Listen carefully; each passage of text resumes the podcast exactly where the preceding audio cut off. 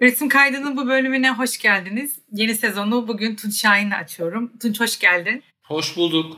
İlk sorum aslında nasılsın ve film vizyona gireli yaklaşık iki haftaya geçtim. Nasıl gidiyor, nasıl hissediyorsun diye sormak istiyorum ben de.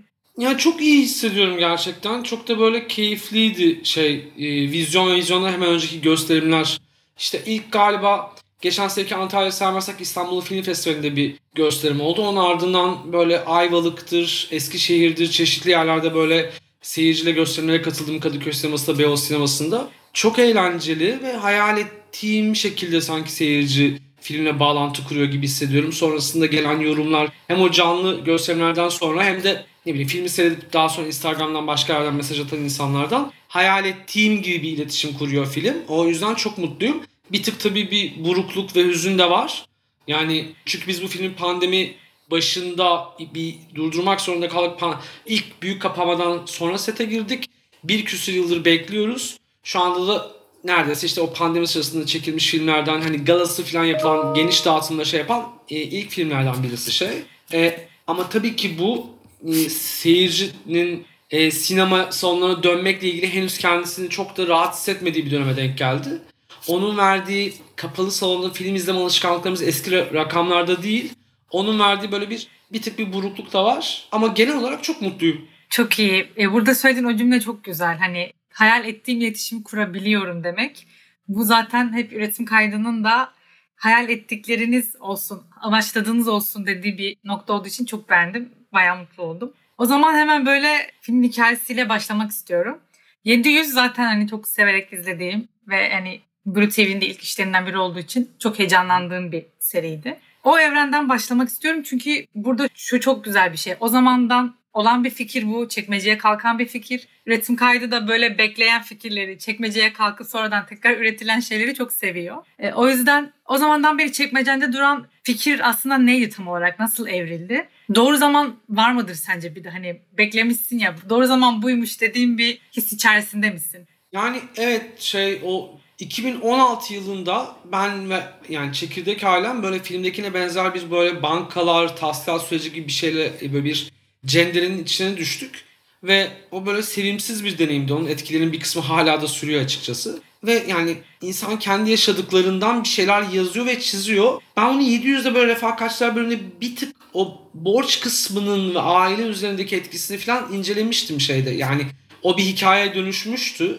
Yani çekmece kalkan fikirle son şeydeki fikir aynı değil.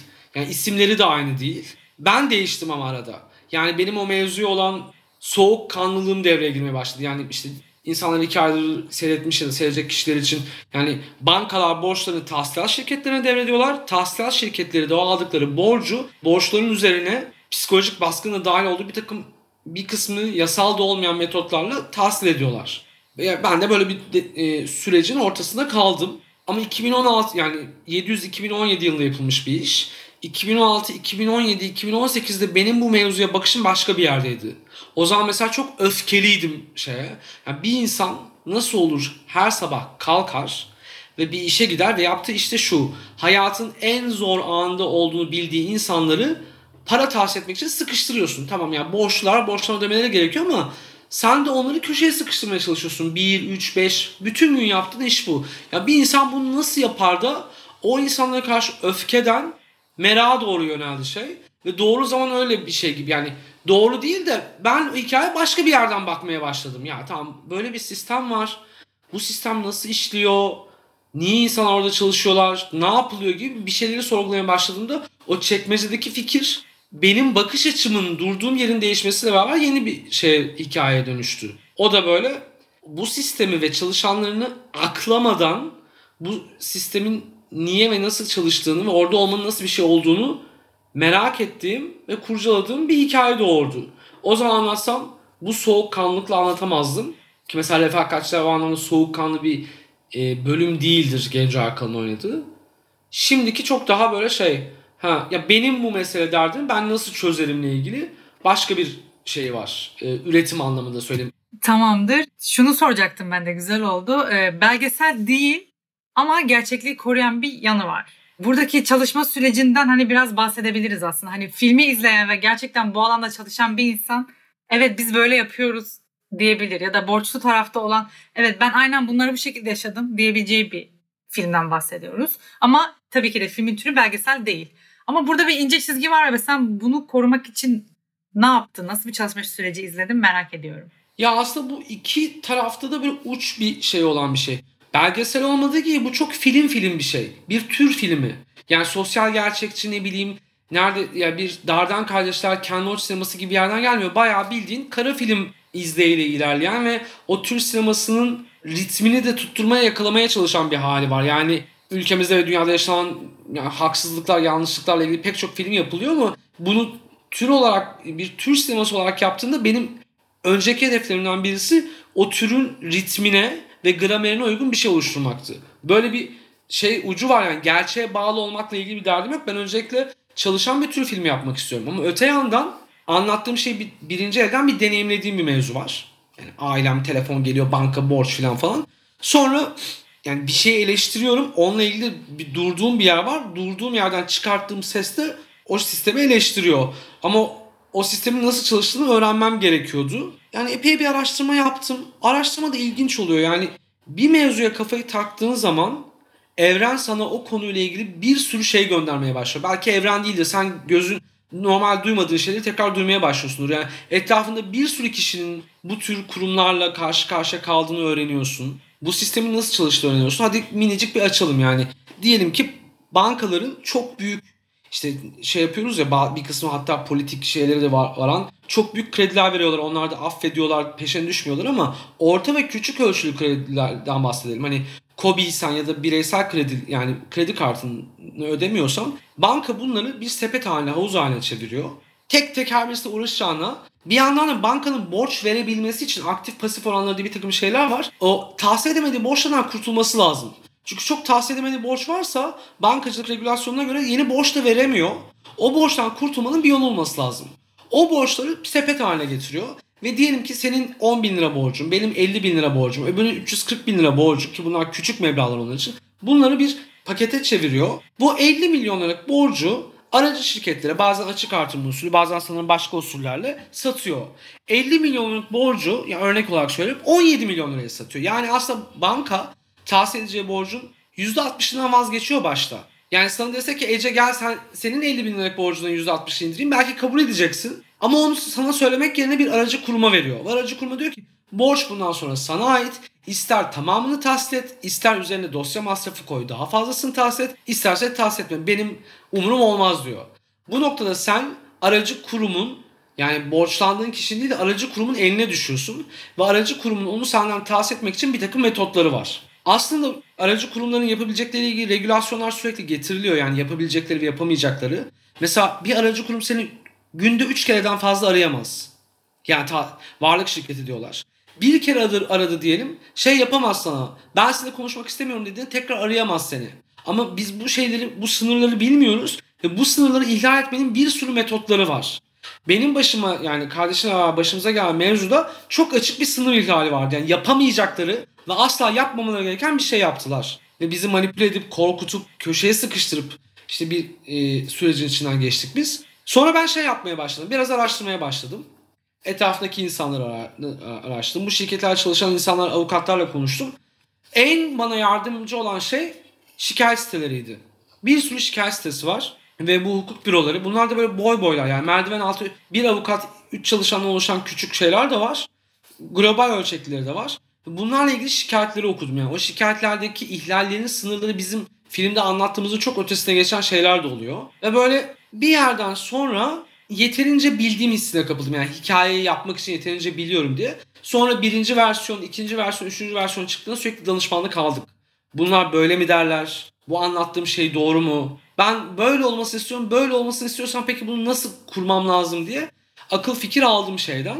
Böylece hem aslında eğlenceli bir tür film izliyorsun diye ümit ediyorum seyircinin ve eğlendiğini görüyorum. Benim aldığım şey o. Ama bunun altında bir yerde sana yani bu kapitalizm denilen büyük sistemin içindeki mekanizmalardan birisi. Bu mekanizmanın da yanlış işleyen ne, ne olduğunu sana seyirciye çaktırmadan anlatacak. Bunun açıklarını ve yapılmaması gerekenlerle ilgili seni uyarabilecek bir yanı da var. Bu konuda da şey olduğunu ümit ediyorum. Öyle olduğunu söylüyorlar bana. Avukatlar da, borçlular da hatta bu borçların dayanışma grupları falan var. Yani bunu gidin seyredin ders niteliğinde diyen insanlar da oldu. Hata yaptığımızı söyleyen kimse olmadı. Mutlaka vardır ufak tefek geliştirebilecek yerler. Ama o anlamda mümkün olduğu kadar gerçekle gerçeği yansıtmaktan öte gerçekle ilintili gerçeğe yatkın olmasını sağlamaya çalıştı. Ve bu gerçekten hissediliyor yani. Ben şunu da çok merak ediyorum. Mesela az önce sen de söyledin ya hani kuracağımız cümleye kadar aslında nasıl yapabileceğiz doğru mu yanlış olmasın diye. Ya bu okuma provasını nasıl etkiledi? Bir de bazen filmi aslında kurgularken, kurgu aşamasındayken bazı şeyleri değiştirip filmin son halini verdiğin yer de orasıdır. Ama benim gördüğüm kadarıyla sen kurguya geçmeden önce zaten bitirmiş gibisin kafanda. Doğru mu anlıyorum? Ben genelde yani bir sürü farklı sinema yapma şey var. Yani çok çekip masada film aramak da bir sinemacılık ve bu kötü bir şey değil. Yani e, filmi bir kere de kurguda yazmak. Ben genelde öyle yazan bir insan değilim. Burada hiç değilim yani. Buradaki her sahnenin son resminin ilk resminin ne olduğu belliydi yani. Çünkü karakterler bir fazladan cümle söyleseler yapı bozuluyor. Ne olduğu açığa çıkıyor. O yüzden eksik ve yani ve şöyle bir kuralla yaptım. Yani hiçbir flashback'te gördüğün şey yanlış değil. Mesela atıyorum Olağan Şüphelileri seyrettim. O da böyle sürprizli bir filmdir ya Usual Suspects. Oradaki mesela flashback'ler seyirciyi kandırır. Yani flashback'te kısa saçlı bir adamı uzun saçlı adamı koyarlar ki sen uyanma diye. Burada mesela her şey önceden planlı ve flashback'leri geri dönüp ikinci kez seyredersen aslında bir takım böyle ipuçları var filmde. Ve onları ama seyirciye kalamasın diye tam o laftayken kesiliyor. Tam o bakışa geldiğinde kesiliyor bu kararlar şeyde değiştirilebilecek kararlar değillerdi kurguda. Bu yüzden bu filmin mesela her filmde aynı şekilde davranmaya çalışıyor ama ya bu film beraber kurguladığım kurgucu arkadaşım Doruk Kaya ile beraber biz önden çalıştık şeye. Ya bu mesela bu sahne hangi resimle biter diye. Bu sahne hangi lafla başlar? O laf yani kız mesela şey diyor işte ne yardımı dediğinde bir sonraki lafta ha yardım şuyu görüyorsun. Yani bir ses kaydı öbür şeye dönüşüyor gibi. Hep böyle ses köprüsü, bir lafın diğer lafa dönüşmesi gibi böyle bir teknikle anlatıldı. O yüzden hani o çok masaya hikaye anlamında çok iş bırakmış bir film değil. Elbette kurgunun e, minik ufak tefek değişiklikler olduğu doğru. Kafası çok açık ve çok yaratıcı bir insan. Çok da güzel şeyler getirdi yani. Çok daha dinamik bir hale geldi. Ama hikaye anlamında zaten yine Doğru'nun katkısıyla sete girmeden önce kurulmuş bir filmdi bu film. Gelelim sete yani e, pandemi döneminde sete çıkan ilk filmdiniz. Hatta yani diğer filmler için de bayağı hani nasıl süreç işlemesi gerektiği konusunda deneyim paylaştığınızı düşünüyorum.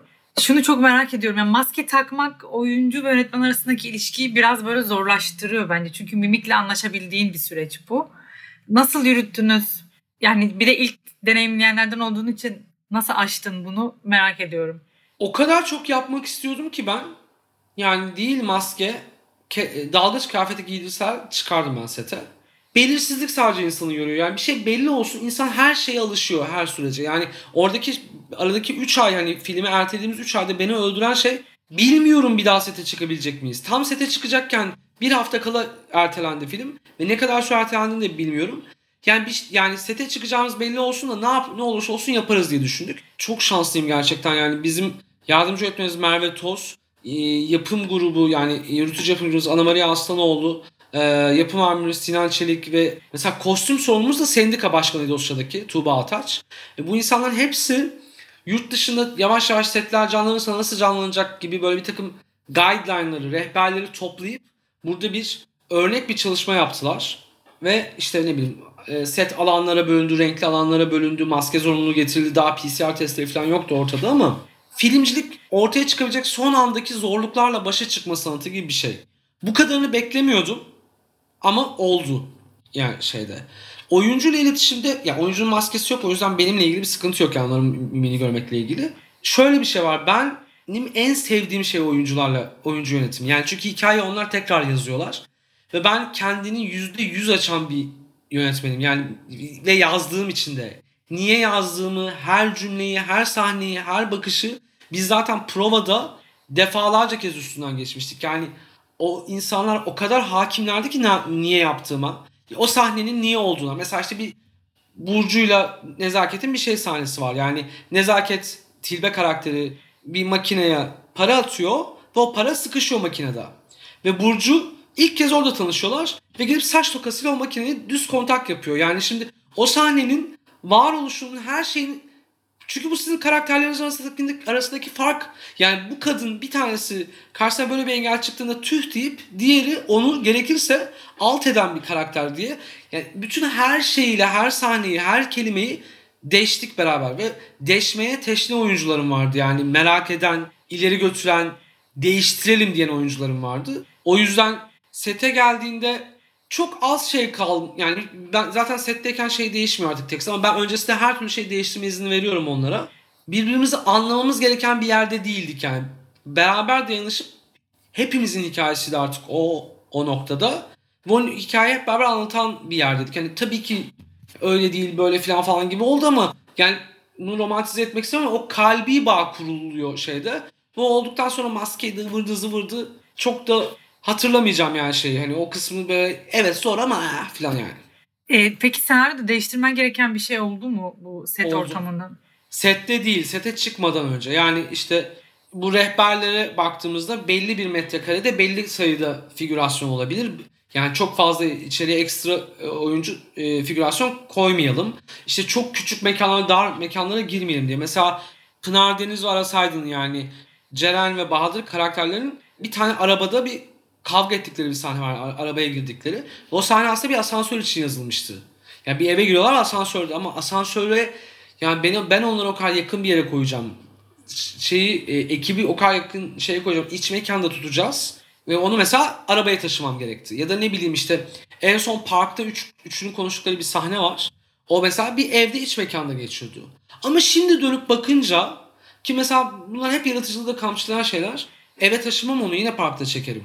İşte ne bileyim parkta çekmenin başka bir takım zorlukları oluyor ya da dış dış mekanda. Çünkü bir sürü maskeli insan geçiyor. Yani saçını başını yolmak istiyorsun maskeli insan gör- görmemek için ya da başka bir takım zorlukları oldu. Onları onlar için ya onları tekrar yaşamak isterim anlamında söylemiyorum ama dramatürjik olarak şey olmadı yani.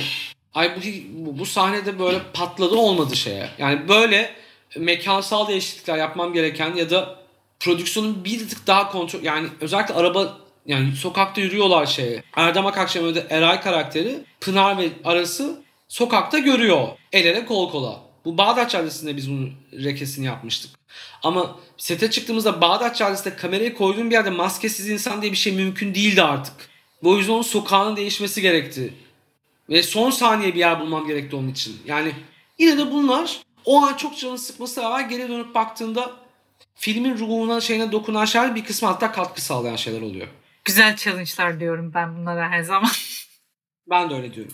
E, Burcu'yla bir röportajınızda müzikle ilgili bir şey anlatmıştınız hikaye. Sen ona bir playlist atmışsın. O da sete çıkmadan önce dinlemiş. Ben bunu merak ettim. Hani filmdeki müzikler de çok iyi. Seçimler çok iyi. Ha, bunlar acaba senin yazarken kulağında olan böyle yazarken de kurguladığın müzikler miydi? Evet.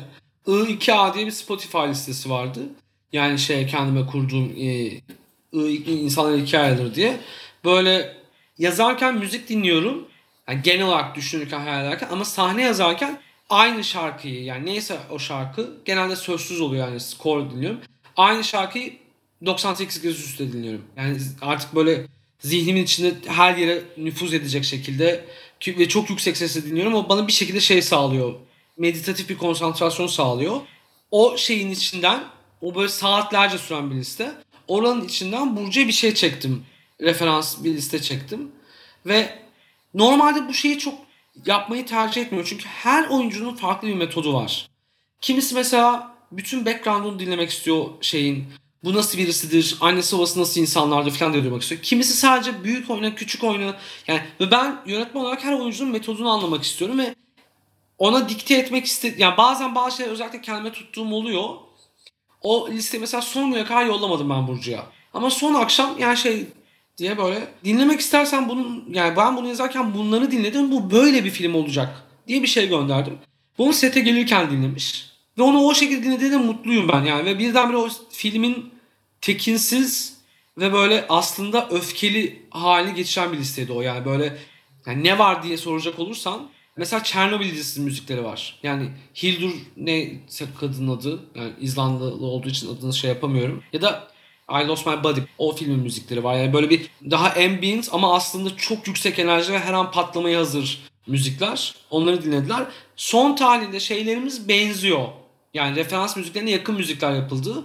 Ama benim müzisyenlerim çok iyi müzisyenler. Çok çok çok iyi müzisyenler gerçekten. Yani asla da hak ettikleri şeyde görünürlükte bilinlikte değiller. Onlar bana benim hayal ettiğimin çok ötesinde bambaşka bir şey, sound çıkardılar. Harika. Ya bu herkesin başına gelebilen şanslı bir şey değil aslında film özelinde. O yüzden çok çok mutlu oldum ama bu şeye çok geçiyor. Seyirciye çok geçiyor bence. Ben de çok mutlu oluyorum şu anda. Müzisyenler üzerinde söylüyorum. Ben bu müzisyenlerle ikinci kısa filmden beri çalışıyorum. Hiç kopmadık yani. Benim başından sonuna yaratıcı anlamda hiç diğer e, yani e, ne bileyim görüntü yönetmenlerimi, kurgucuları falan hepsini seviyorum ama bunlarla şansımız da yaver gitti. Yani onlar benden sıkılmadıkları sürece ve bıkmadıkları sürece biraz bıktırıcı olabiliyorum çünkü çalışırken. E, ben asla bırakmam onları. Yani muazzam muazzam yetenekli insanlar. Güzel. Şu an üretim sürecine gireceğimiz güzel bir pas attın bana. Teşekkür ediyorum. Filmde şöyle bir şey vardı hani e, borcun hata yapmaya itmesi, bir kırılgan yapıda olmak. Bu hani zaten sen aslında 700'de de hani insanın yüzleriyle ilgili şeylere değiniyorsun. Bu da başka bir yüz. Ya ben izlerken aklıma hep şu geldi. Hani bu borçlu kişi bir üreten olsa, işte bir yönetmen olsa ve hani aslında bir sonraki filmini çekiyor olsa Hani o filmde daha çok para kazanabilmek için ya da o borcu kapatabilmek için yani nasıl hatalar yapardı acaba? Ya da işte o üretkenliği ne kadar kötü etkilerdi? Ya benim böyle bir şey etti filmi izlerken. Hani o yüzden biraz bunu da konuşmak istiyorum. Borçludan bahsetmiyorum tabii ama hani üretim yaparken de sanatın her alanında aslında yine parayla ilgili bir ilişki içerisinde oluyoruz. Ve bu da bir nevi belki borçlu olmamak için bizi kırılgan bir yapıya, hata yapmaya birazdan meyilli bir yapıya da sevk etti oluyor zaman zaman. Yani burada biraz özel bir soru bu. Sen ne düşünüyorsun bu konuda onu merak ediyorum. Ben dağıtım tarafından geliyorum bu işi. Yaklaşık 20 yıldır dağıtım tarafındayım ve çok fazla sinemacıyla yani filmini yapmış, bitirmiş ve özellikle de ne bileyim böyle dev gişe komedileri değil de art house işleri kalkışı çok başarılı olmuş ya da istediği kadar başarılı olamamış yönetmenler ve yapımcılarla geçti hayatım. Dağıtım da biraz şeydir yani bütün o çileyi çekmiş ve artık zurnanın zırt dediği yerde ve hayal kırıklığı yaşamanın yani o an onunla berabersindir yani sonucu aldığı yerdesindir çünkü sinema ilk mecradır ve istedi yani para kaybettiğini bütün hayatını ortaya koyduğunda şey kaybettiğini gördüğün yerdesindir yani senarist bay bay demiştir kurgucu bay bay demiştir herkes gitmiş ve sen yapımcı yönetmenle baş başa kalırsın ve tıpkı işte şey gibi e, Burcu'nun Pınar için söylediği hayallerinin yıkıldığını ve yerle eksan olduğunu görmek insana koyar şey. Yani ben çok gördüm evini, arabasını, banka kredisini, hayatını ortaya koyarak maalesef istediği sonuçları almayan insanları. Ama burada kırılganlık kelimesine geri dönmek isterim şeye. Yani bu iyi bir şey hayatta. Yani ben Pınar'ı şeye kast ederken bizim Pınar'la böyle bir kliğimiz oldu toplantıda ilk klikte. Çünkü ben Pınar'ın oynadığı Ceren karakteri borçlu, bir sürü şeyi kaybetmiş erkek arkadaş tarafından kazıklanmış, kandırılmış bir kadın. Annesi büyük ihtimalle böyle sen geri zekalısın deyip duruyor. Ailesi şey arası. Ama ben o kadını mesela şeyden kurmak istemedim oyununu. Enerjisi bitmiş, depresyonda falan değil. Çünkü hata yapma lüksü, hata yapma cesareti yaşamla ilgili bir şey. Hayal kurmakla ilgili bir şey. Yani bunu herkes yapamıyor mesela. Burcu'nun oynadığı duygu karakteri çok daha kontrollü, çok daha sinsi, çok daha ne olduğunu kontrol etmek zorunda olan birisi. O yüzden mesela Pınar'ın karakteri çok daha yaşam dolu bir şey. Yani libido diyeyim buna ama şey anlamında da hem yaşam enerjisi diyeyim e, cinsel anlamda da mesela şey ne kadar öyle bir duygunun öyle hiçbir romantik aksi yoktur mesela duygu karakterinin. Halbuki Pınar filmde oyun oynayan, işte bowling'e giden, yemek yiyen, istediği zaman birisiyle öpüşebilen, e, mizah duygusu olan çünkü o yaşamak istiyor ve hata yapmanın bir pa- yani hata yapma lüksümüz olması lazım ve hatalarımızın bedelini de ödememiz lazım. Ben şey demek istemiyorum yani. Borç takalım bankaya da ödemeyelim demek istemiyorum ama yaptığımız borcun yetişkin sonucunu ödeyelim. Yani bizi fazladan köşeye sıkıştırıp hayatını bir kez işte hata yaptın, batırdın ve bundan sonra bir daha hayal kurmaman lazım. Hayal kurduğun için aptalsın. Sana diretilen o şeyin dışına çıktığın için kafana balyoz inecek ya da ne bileyim film çekmeye kalktın batırdın ve bütün hayatın boyunca o hayali kurduğun için pişman olmak, utanç duyma şeyine katılmıyorum ben. Yani bu seni bunu tanımıyor olması fikrine katılmıyorum. Yani sanatta, yaratımda yani insanın mutluluk arayışı da belli riskler alabiliyor olmasından gerekiyor. Yani o kırılganlık bence güç. Yani saçmalamadığı sürece ya bunu aşk için bile söyleyebiliriz. Yani sürekli kontrollü olabilirsin ama o riski alabilirsin şeye.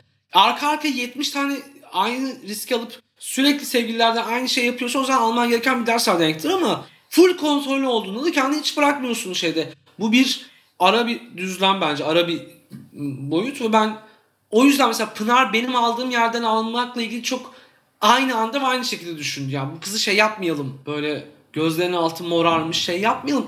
Yaşıyor ya. Ve bu kötü bir şey değil. Başımıza kötü bir şey gelmiş olması hayatımız boyunca orada kalacağımız ve bizi tanımlayan şeyin olmasını gerektirmez.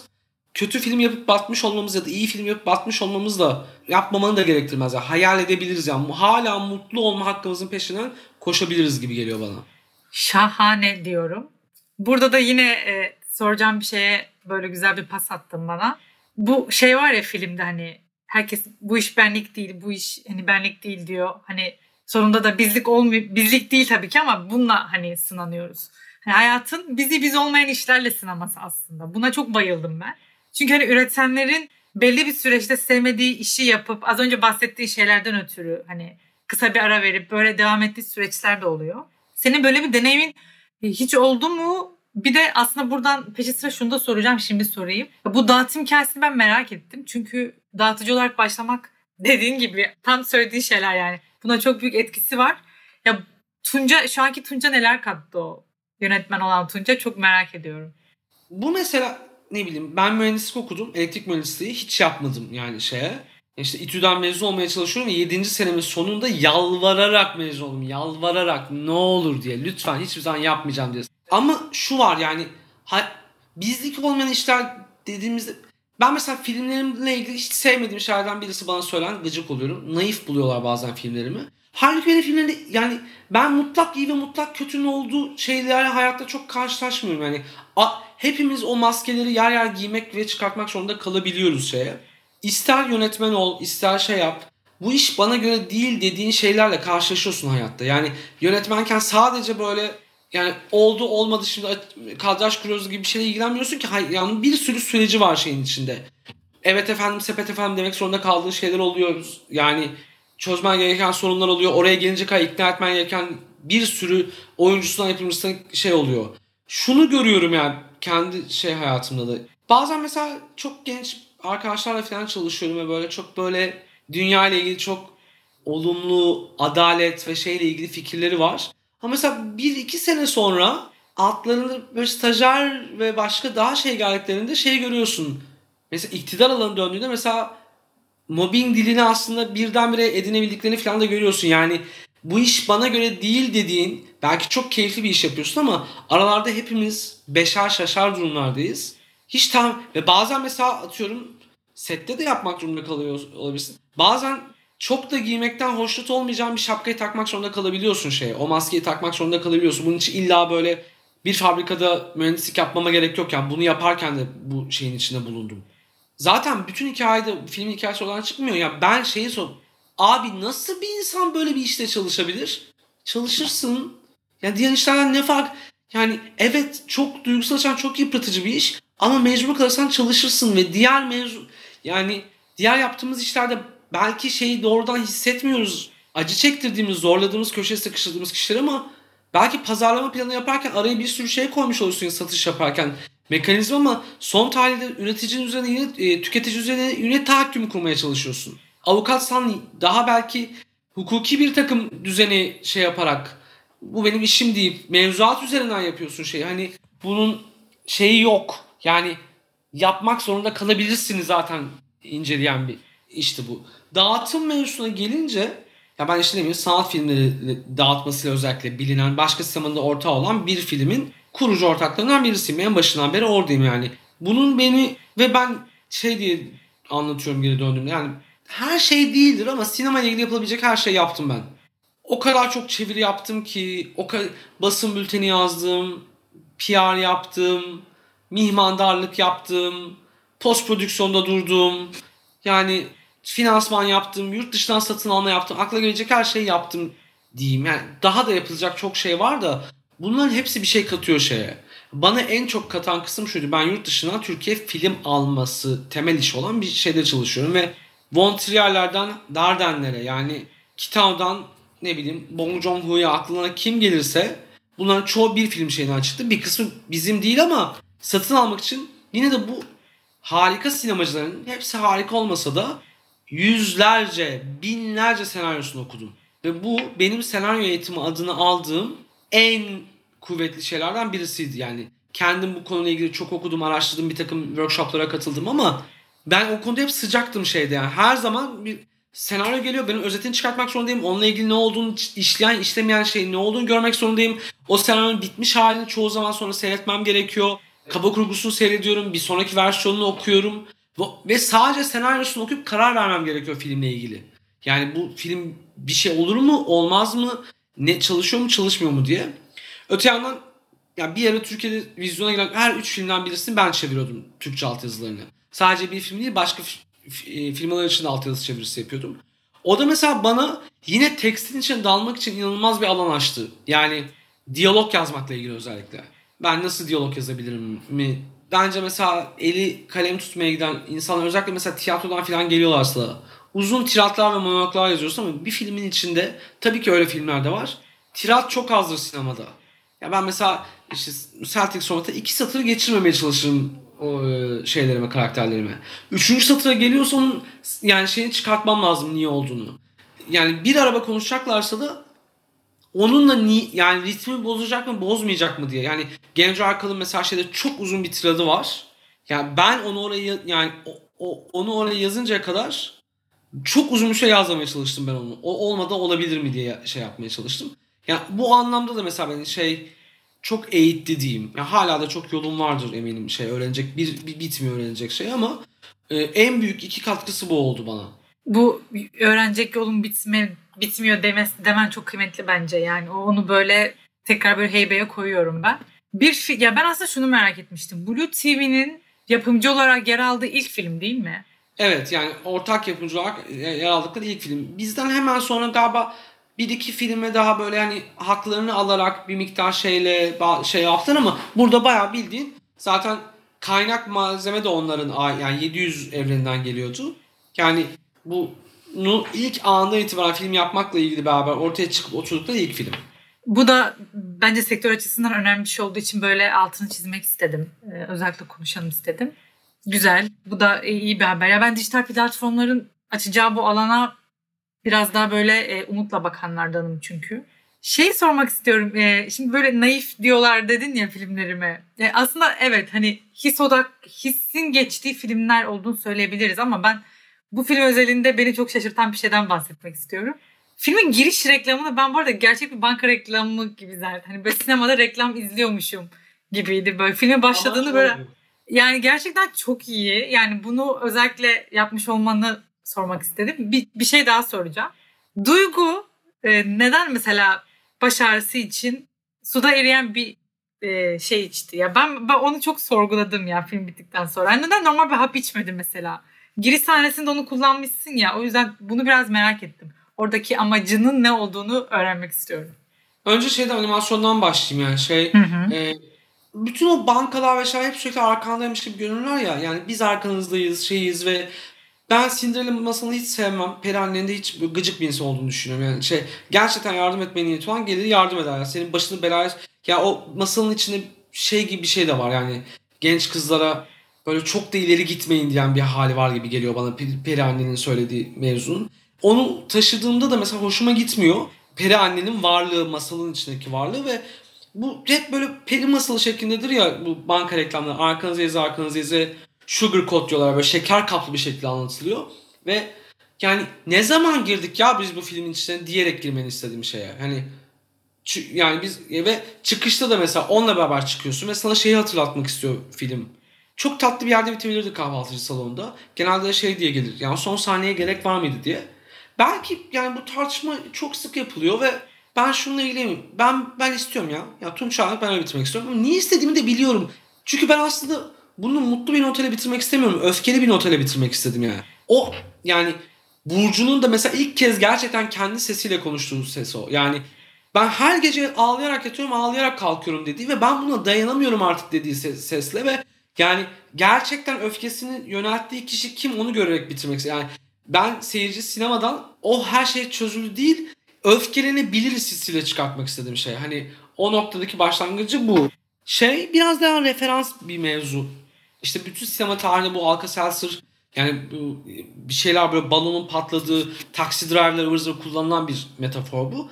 Ama ben bunu geriye çekiyorum şey e, bu benim ikinci e, uz, ikinci kısa filmimde var şeye.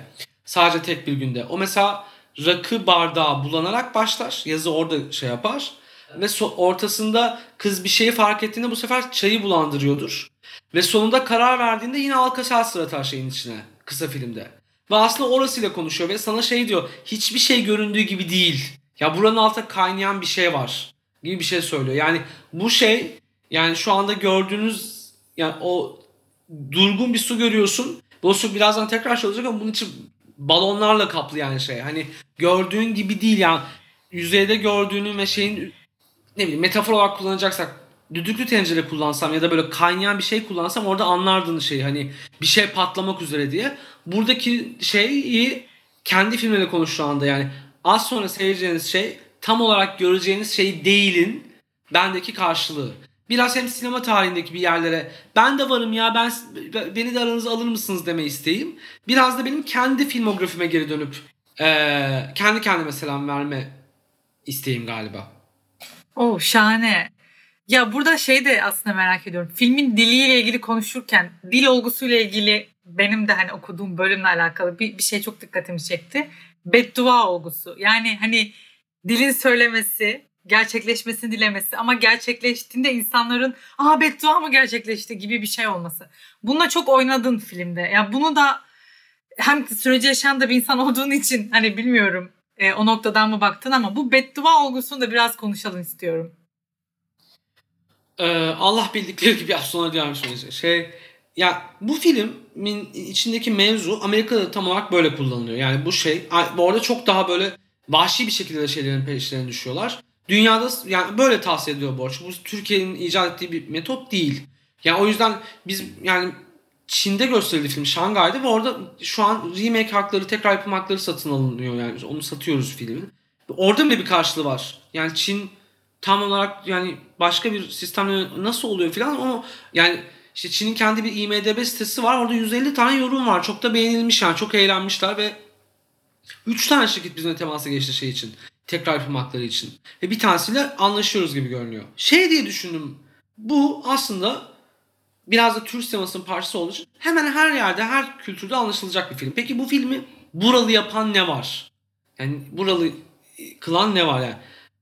Bu bedduaya gelirken şeyden bahsedeyim. Mesela annelerden bahsediyorlar ya sürekli. İkisinde anne yani bizde mesela daha böyle şey bireyselliği geç kazanan ya da hiç kazanmayan toplumlarda yani annem duyarsa ne olur babamın kalbine iner mevzuları yani burada kültüre ilişkin şey bu yani şeylerin içinde görüyorsun yani onların yaklaşımlarında görüyorsun mevzuyu. Hani bir abiniz yok mu diye soruyor adam.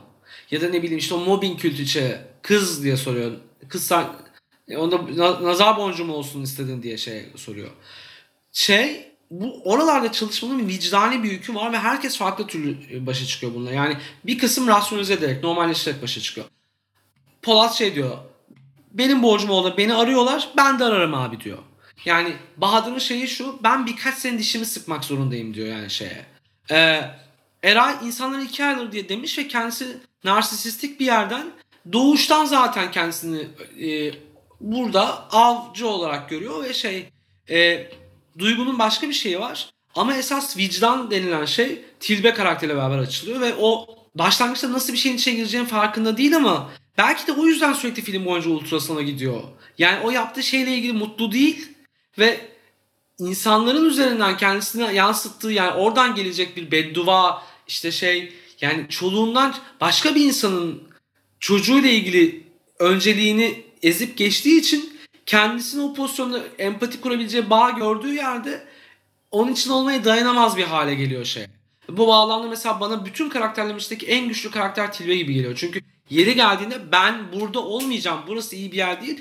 Benim için bitti diyebilecek bir karakter o. Çünkü daha fazla kaldırmak istemiyor. Onun için ama işte o bireysellikten ancak o empatiyi kurabilecek kadar büyüyüp dışarıya şey yapıp anne olma mevzusunun üzerine kurduğunda bu da bence ben yet- yeterince yetişkin davranış şimdi söylerken fark ediyorum ama yani o yüzden de o beddua kültürel olarak da onu şey yapıyor yani hani ben yanlış bir şey yapıyorum bunun bir cezası olması lazım. O, cezayı şeyle kuruyor. Yani ilahi adaletle kuruyor.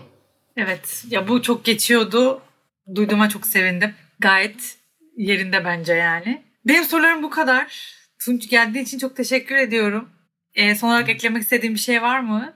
E, geri dönüp baktığımda yani ya- kendi yaptığım üretimin üzerinden geçmeye de yani şu an seninle yaptığımız şeyde keyif aldım ve onu ikinci dikiş atmanın çok keyifli olduğunu fark ediyorum.